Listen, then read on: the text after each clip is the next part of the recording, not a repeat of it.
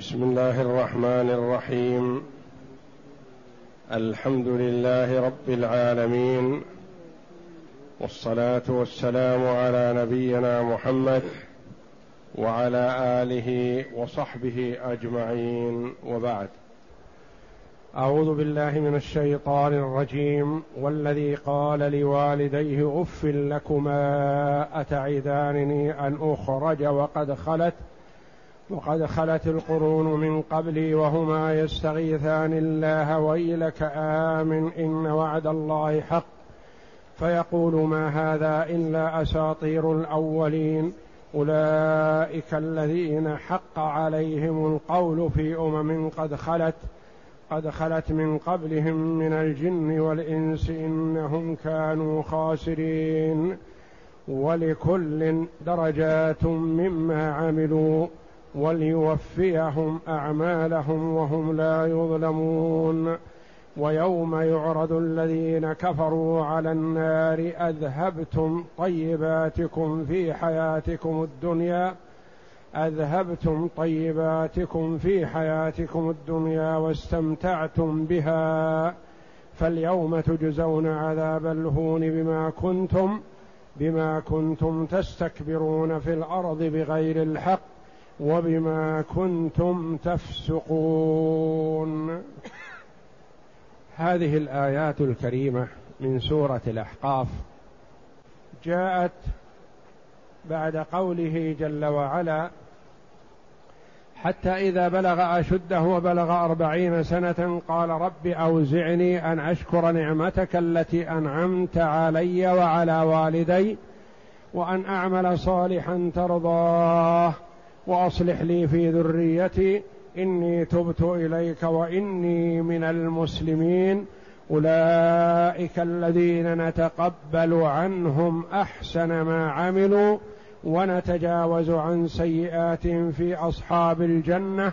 وعد الصدق الذي كانوا يوعدون. والذي قال لوالديه أف لكما اتعدانني أن أخرج وقد خلت القرون من قبلي.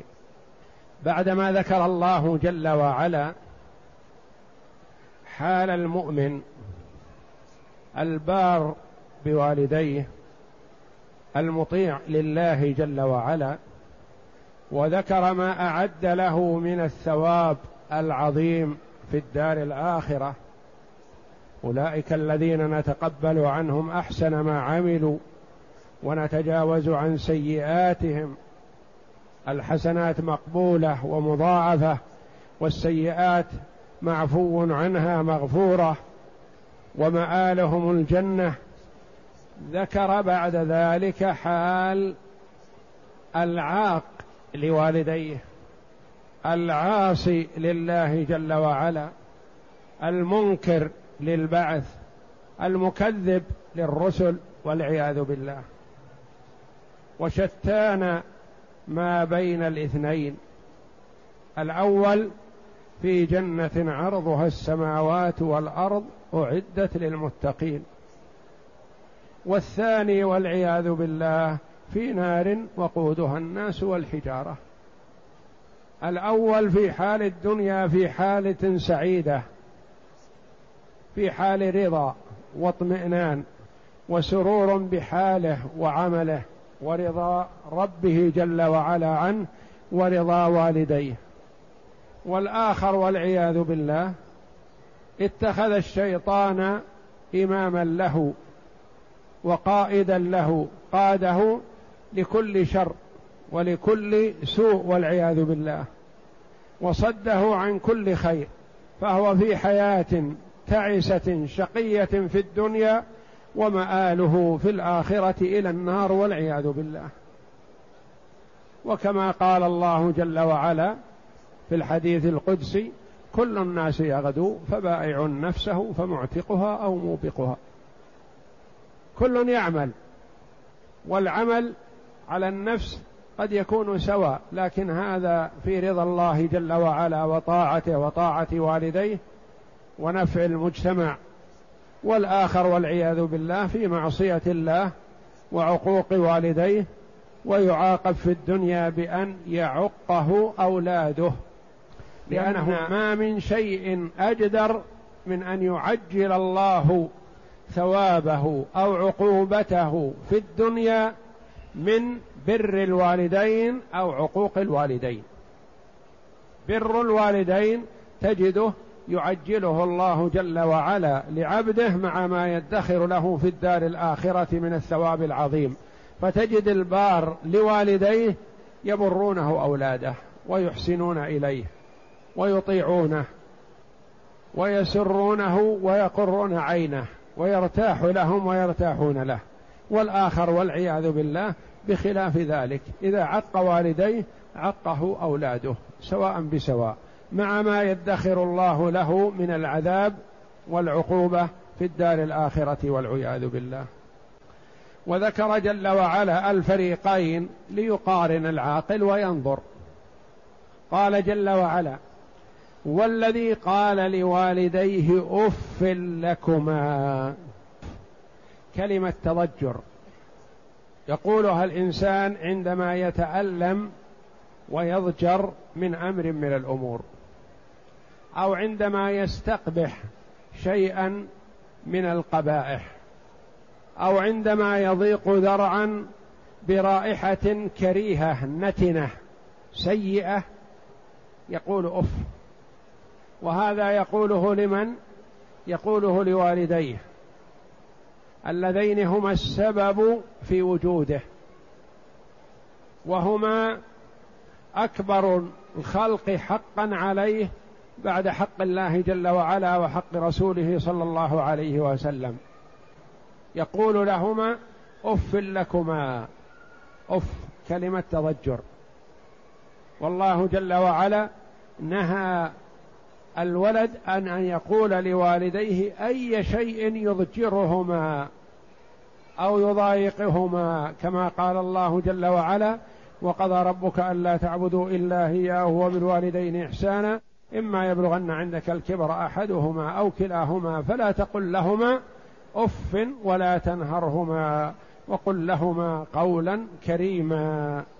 قالوا يكره أن ينادي الرجل والده أو والدته باسمهما وإنما يناديهما بالأبوة والأمومة أو يناديه بأبي فلان أو أم فلان. احتراما وتقديرا لئلا ينطق باسمه المفرد. أف يقول لهما أف لكما أتعدانني أن أخرج؟ هذه الآية قال فيها المفسرون رحمهم الله أقوال والذي قال لوالديه أف لكما. قيل نزلت في أحد أولاد أبي بكر الصديق رضي الله عنه. وهذا قول قاله كثير من المفسرين لكنه قول ضعيف. وقد أخرج البخاري رحمه الله عن يوسف بن ماهك قال كان مروان على الحجاز. استعمله معاوية بن أبي سفيان رضي الله عنه. فخطب أي مروان بن الحكم فجعل يذكر يزيد بن معاوية عليه ما عليه. لكي يبايع له بعد أبيه. فقال عبد الرحمن بن أبي بكر شيئا. فقال خذوه. فدخل بيت عائشة فلم يقدروا عليه. فقال مروان إن هذا أنزل فيه والذي قال لوالديه أف لكما. فقالت عائشة رضي الله عنها ما أنزل الله فينا شيئا من القرآن إلا أن الله أنزل عذري. براءتها من الإفك الذي نسبه المنافقون. وعن محمد بن زياد قال لما بايع معاوية لابنه قال مروان سنة أبي بكر وعمر. يعني في اتخاذ ولاية العهد. رضي الله تعالى عنهما. فقال عبد الرحمن سنة هرقل وقيصر. فقال مروان هذا الذي قال الله فيه والذي قال لوالديه أف لكما الآية. فبلغ ذلك عائشة رضي الله عنها فقالت كذب مروان والله ما هو به ولو شئت أن أسمي الذي نزلت فيه لسميته ولكن رسول الله صلى الله عليه وسلم لعن أبا مروان ومروان في صلبه فمروان من لعنة الله أخرجه النسائي وعبد بن حميد وابن المنذر والحاكم وصححاه. وروي عن ابن عباس رضي الله عنهما برواية ضعيفة أنها نزلت في أحد أولاد أبي بكر رضي الله عنه. وهذا يبعد لأن ما روي عن ابن عباس ضعيفة وما روي عن وما قاله مروان بن الحكم لا يعتمد عليه. ويبعد أن يكون في أحد من أولاد أبي بكر رضي الله عنه لأن الله جل وعلا قال في آخر الآية أولئك الذين حق عليهم القول في أمم قد خلت من قبلهم من الجن والإنس إنهم كانوا خاسرين. وعبد الرحمن بن أبي بكر رضي الله عنه أسلم وحسن إسلامه رضي الله عنه فكان من خيار المؤمنين كما قال التابعون رحمهم الله. وإنما هذه الآية والله أعلم في كل من اتصف بهذه الصفة ممن عق والديه وعصى الله جل وعلا. يقول وعن ابن عباس في الآية قال هذا ابن لأبي بكر ونحوه عن السد ولا يصح هذا ويرده ما سيأتي من قوله تعالى أولئك الذين حق عليهم القول في أمم. والصحيح أنه ليس المراد من الآية شخصا معينا بل المراد كل شخص كان موصوفا بهذه الصفة. وهو كل من دعاه أبواه إلى الدين الصحيح والإيمان بالبعث فأبى وأنكر وقيل نزلت في كل كافر عاق لوالديه. أتعدانني أن أخرج بنونين النون الأولى يسميها العلماء نون الرفع لأنه فعل مسند إلى ألف الاثنين فهو من الأفعال الخمسة يرفع بثبوت النون. والنون الثانية هي نون الوقاية نون الوقاية. بنونين مخففتين وفتح يائه وفتح ياءه قراء مكة والمدينة. وأسكنها الباقون. يعني أتعدانني بفتح الياء. والقراءة الثانية المشهورة أتعدانني بياء ساكنة التي هي آخر الكلمة. وقرئ بإدغام إحدى النونين في الأخرى. نون الرفع بنون الوقاية. أتعداني نون مشددة. تكون مدغمة واحدة في الأخرى. أتعداني. أن أخرج أي أن أبعث. هما الوالدان يعظانه بالبعث. وهو ينكر البعث والحساب والجنة والنار. أتعدانني أن أخرج. وفي قراءة أن أخرج يعني أن أخرج إلى الدنيا مرة ثانية بعد البعث. وقد خلت القرون من قبلي. يقول مضى مئات القرون وملايين الناس مضوا ما رأينا أحدا منهم بعث.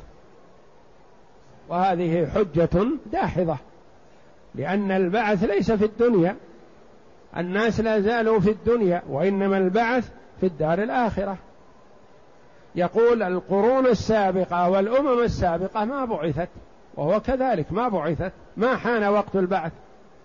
وقد خلت القرون من قبل وهما يستغيثان الله يسألان الله جل وعلا له الهداية.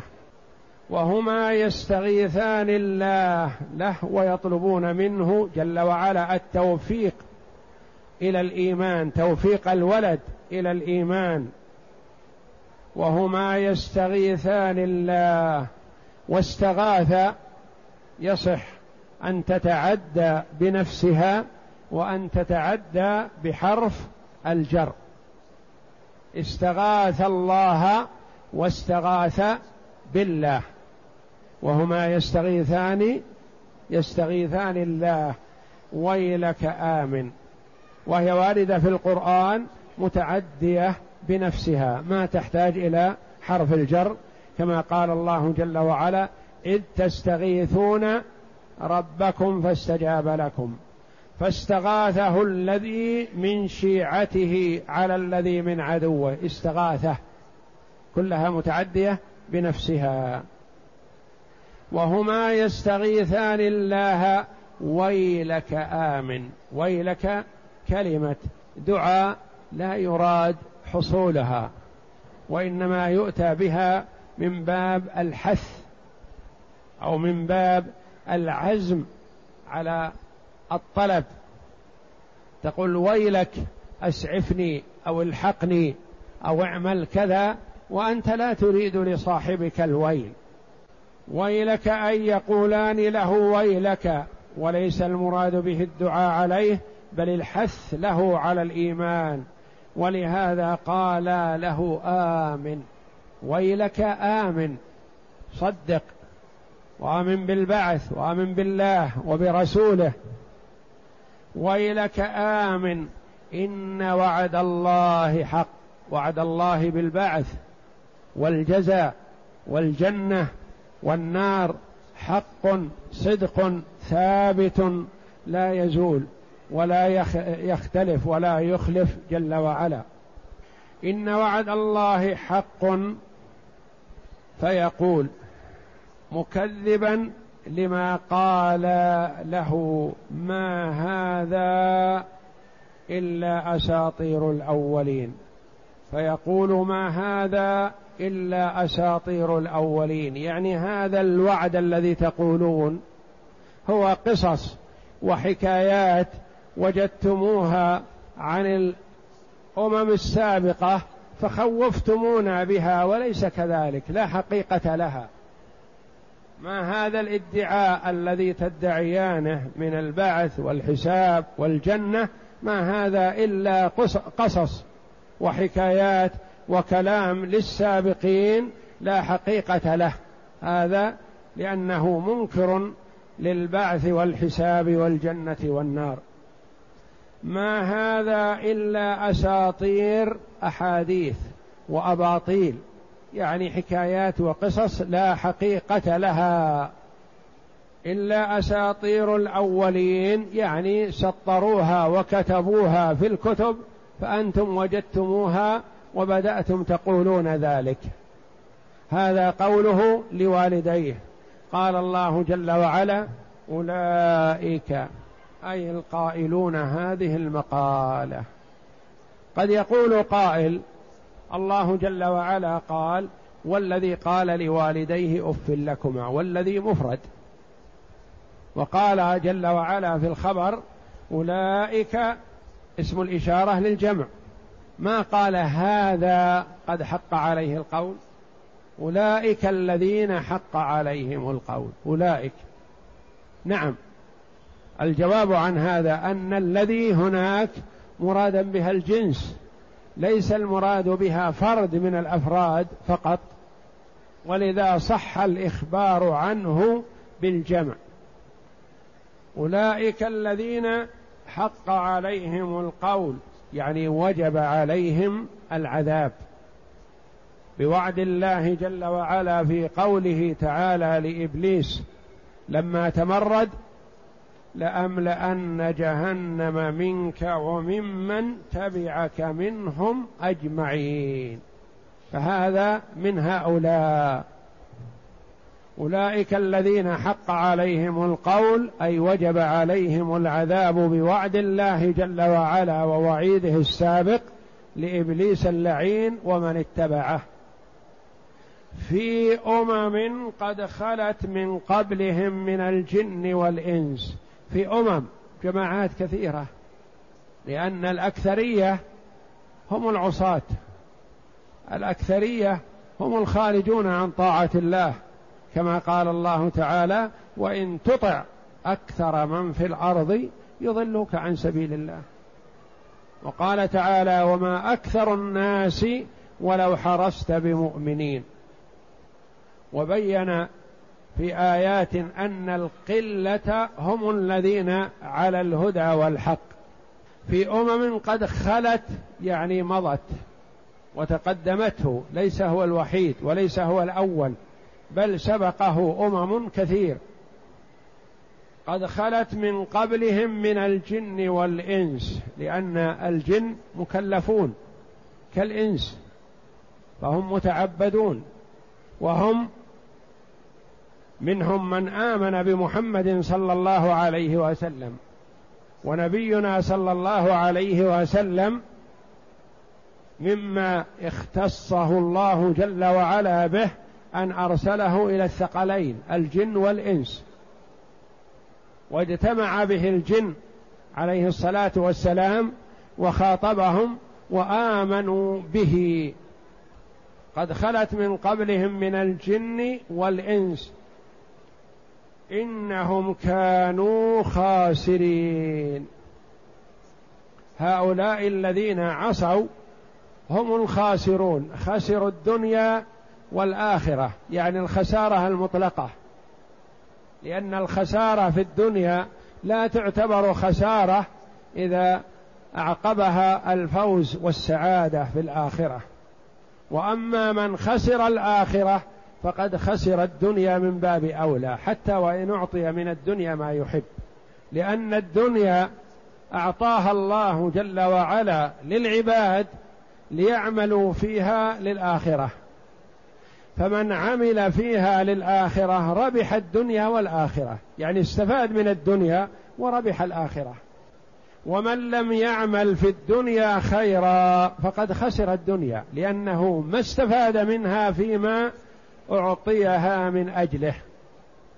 وخسر الآخرة والعياذ بالله فيكون الشقي المحروم خسر الدنيا والآخرة وإن أعطي من الدنيا ما أحب فهذا يزول ويضمحل بسرعة ولا فائدة فيه. وإنما ربح المرء في الدنيا بطاعة الله جل وعلا. إذا استعمل الدنيا في طاعة الله فقد ربح الدنيا. وإذا استعملها في المعصية فقد خسرها لأنه ما استفاد منها. قد خلت من قبلهم من الجن والإنس إنهم كانوا خاسرين. إنهم هذه الجملة تعليل لما قبلها لأنهم كانوا خاسرين في علم الله جل وعلا. وتقدم أن هذا أن هذه الخاتمة للآية يبعد أن يكون المراد بها أحد من ولد أبي بكر الصديق رضي الله عنه لأن أولاد أبي بكر رضي الله عنه أسلموا كلهم في حياته. وكما تقدم في درس أمس أن الله جل وعلا أعطى أبا بكر الصديق رضي الله عنه ما لم يعط غيره من الصحابة. فاقر الله عينه بإسلام أبويه وإسلام أولاده كلهم وبعض أحفاده. في حياة النبي صلى الله عليه وسلم. ثم قال جل وعلا ولكل درجات مما عملوا أولئك الأخيار لهم درجات علو في الجنة. وهؤلاء الأشرار لهم دركات والعياذ بالله. فمنازل الجنة درجات علو. ومنازل النار والعياذ بالله دركات. سفل وعبر عن الجميع جل وعلا هنا بالدرجات من باب التغليب لصفات ودرجات الجنة. ولكل درجات مما عملوا أعمالهم لهم. لأن الله جل وعلا يوفي العامل عمله. فالمحسن يعطيه بحسناته ويزيده لأن الزيادة في الثواب كرم. والله جل وعلا أكرم الأكرمين. ويعاقب المسيء بعمله ولا يزيد في عقوبته لأن الزيادة في العقوبة ظلم. والله جل وعلا منزه عن الظلم. يقول جل وعلا في الحديث القدسي يا عبادي إني حرمت الظلم على نفسي وجعلته بينكم محرما فلا تظالموا. وهو جل وعلا لا يظلم الناس شيئا وما ربك بظلام للعبيد وليوفيهم أعمالهم وهم لا يظلمون.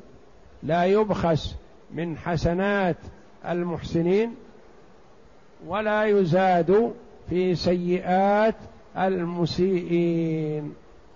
ولكل درجات مما عملوا وليوفيهم وليوفيهم فيها قراءتان وليوفيهم بالياء ولنوفيهم بالنون ولنوفيهم أعمالهم يعني نعطيهم ثوابها. وهم لا يظلمون. يجزي المحسن بإحسانه ويعاقب المسيء بإساءته. ثم قال جل وعلا تذكيرا للعباد قائلا لمحمد صلى الله عليه وسلم اذكر لأمتك يوم يعرض الذين كفروا على النار ويوم يعرض الذين كفروا على النار. يعرضون على النار يعرضون عليها يكشف الغطاء ويظهر الأمر عيانا بيانا وعرضهم على النار أشد هوانا لهم من عرض النار عليهم.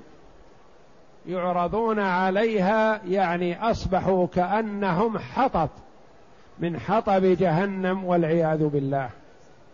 ويوم يعرض الذين كفروا على النار يعرضون عليها ويقذفون فيها ويقال لهم على سبيل التوبيخ والتبكيت واللوم أذهبتم طيباتكم في حياتكم الدنيا.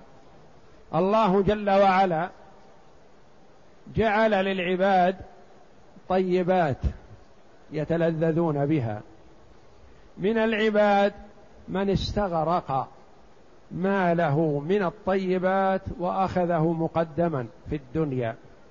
ومنهم من ادخرها لنفسه وأخرها له في الدار الآخرة فيعطيه الله جل وعلا إياها.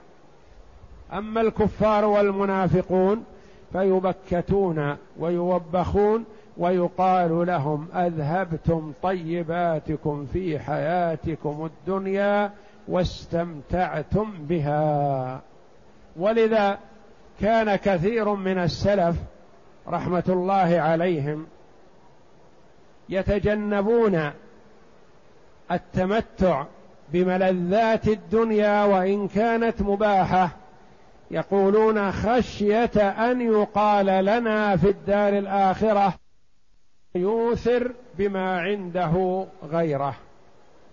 النبي صلى الله عليه وسلم إمام المتقين نام على حصير حتى أثر على جنبه. ورأى ذلك عمر وبكى. قال ما لك؟ قال يا رسول الله هذه حالك ينظر في المكان الذي هو راقد فيه النبي صلى الله عليه وسلم ما فيه شيء. والرسول نائم على حصير وعلى وسادة من ليف. فقال يا رسول الله هذه حالك إذا نظرنا إلى حال كسرى وقيصر. فقال يا عمر أولئك عجلت لهم طيباتهم في حياتهم الدنيا ونحن أخرت لنا طيباتنا في الدار الآخرة أو كما قال صلى الله عليه وسلم. أخذ هذا عمر لنفسه رضي الله عنه فمنع نفسه عن الاستمتاع بشيء من ملاذ الدنيا إلا ما يسد رمقه خاصة في المأكل. رأى يقول جابر بن عبد الله رضي الله عنه رأى معي عمر لحما معلقا. فقال ما هذا يا جابر؟ فقلت له هذا لحم اشتهيته اشتريته بدرهم.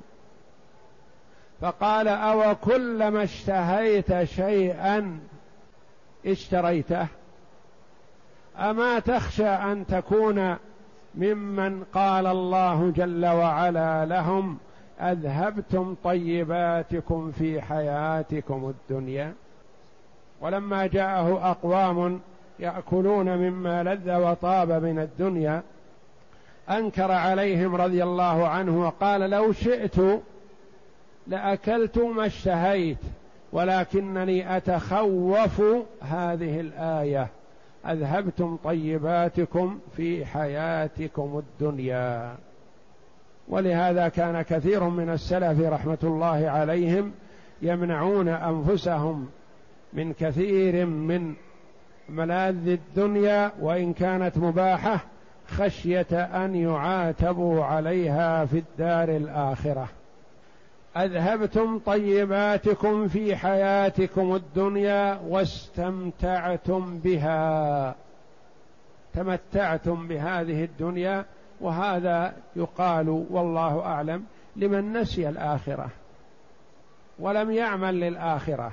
وعمل السلف رحمة الله عليهم حسن لأن المسلم كلما تقلل من الدنيا أقبل على الآخرة. وكلما وسع لنفسه في الدنيا ركن إليها وطابت له وأحب البقاء فيها وثقل عن العمل للآخرة. والتزود من الدنيا لعمل الآخرة هذا حسن ومأمور به شرعا أن يأخذ المرء من الدنيا ما يتقوى به على الآخرة. وكما قال الله جل وعلا قل من حرم زينة الله التي أخرج لعباده والطيبات من الرزق وقال جل وعلا وابتغ فيما آتاك الله الدار الآخرة ولا تنس نصيبك من الدنيا وأحسن كما أحسن الله إليك. أذهبتم طيباتكم في حياتكم الدنيا واستمتعتم بها فاليوم تجزون عذاب الهون عذاب الهوان عذاب الاحتقار لأن العذاب والمشقة أحيانا يكون عذاب تصحبه المهونة والاحتقار والذل وأحيانا يكون عذاب شاق لكن ليس فيه مهانة ولا احتقار. فالله جل وعلا يجازي هؤلاء المتكبرين المتعاظمين على العباد بأن يعذبهم وفوق العذاب فيه هوان واحتقار. كما ورد في الحديث أن المتكبرين يحشرون يوم القيامة أمثال الذر. مثل ما تكبروا على العباد في الدنيا يكونون أذلة في الدار الآخرة يطأهم الناس بأقدامهم. فاليوم تجزون عذاب الهون بما كنتم تستكبرون في الأرض بغير الحق وبما كنتم تفسقون. اليوم تجزون هذا العذاب الذي هو عذاب الهوان والذلة والحقارة بسبب أمرين وبسبب عملين. عمل من أعمال القلب خبيث وسيء وعمل من أعمال البدن. يعني جمعتم بين العملين السيئين بين أعمال القلوب السيئة وأعمال الأبدان. أين عمل القلوب؟ بما كنتم تستكبرون في الأرض. الاستكبار والتكبر هذا من عمل القلب. يتغطرس على الناس ويتكبر عليهم ويتعاظم وكأنه من فئة غير فئة الناس وكأنه يختلف عن الناس درجة فيتعاظم على العباد ويحتقر الناس. وبما كنتم تفسقون هذا هو الفسق الخروج عن طاعة الله جل وعلا بعمل المعصية. فهم جمعوا بين عملين قبيحين عمل البدن الذي هو الفسق وعمل القلب الذي هو الكبر والغطرسة. وفي هذه الآية تحذير لكل عاقل من أن يتصف بصفة الكبر أو بصفة الفسق لأن الله جل وعلا توعد عليهما بالعذاب المهين يوم القيامة. والله أعلم وصلى الله وسلم وبارك على عبده ورسول نبينا محمد وعلى آله وصحبه أجمعين.